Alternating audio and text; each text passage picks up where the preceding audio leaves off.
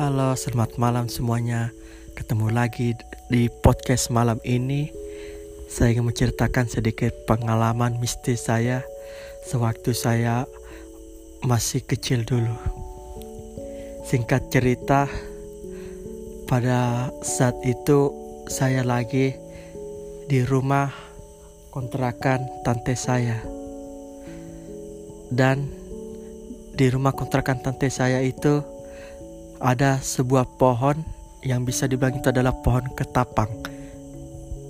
Dan pada malam hari kami semua tidur dengan lelap dan tiba-tiba saja saya terbangun karena saya ingin membuang air kecil. Dan pada saat itu saya coba pergi ke toilet belakang ternyata toilet belakang gak ada air terpaksa saya pergi kencing di pintu depan. Dan saya pun berjalan ke arah depan rumah membuka pintu dan saya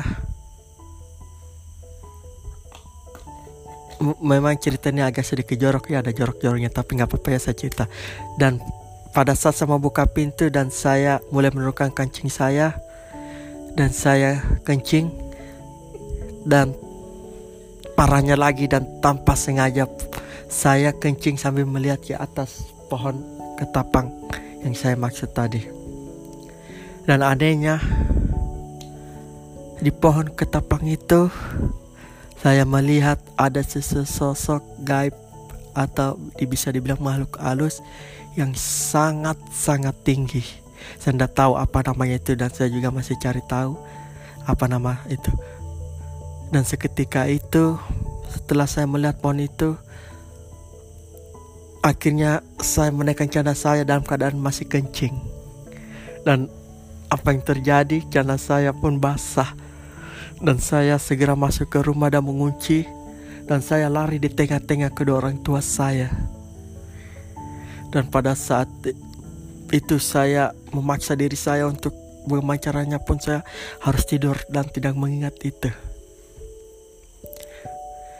Dan tibalah keesok harinya saya bangun dan saya menceritakan kepada adik keluarga saya dan juga kakak orang dua orang tua saya. dan semua di luar naas, guys. Kenapa saya bilang di luar naas? Ternyata yang saya lihat itu adalah ada maksud tertentu. Dan ceritanya begini, saya punya teman, beliau sudah meninggal. Sebelum dia meninggal, itu dia memanjat pohon ketapang itu.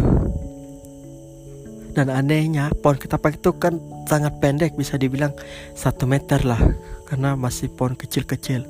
Dan dia main-main di situ. Setelah dia main itu mainnya kalau tidak salah itu siang hari jam 12 atau jam 1 siang saya ingat. Dan setelah dia main di situ kebetulan teman saya itu jatuh. Jatuh dan dia meninggal di tempat. Dan saya menceritakan kronologi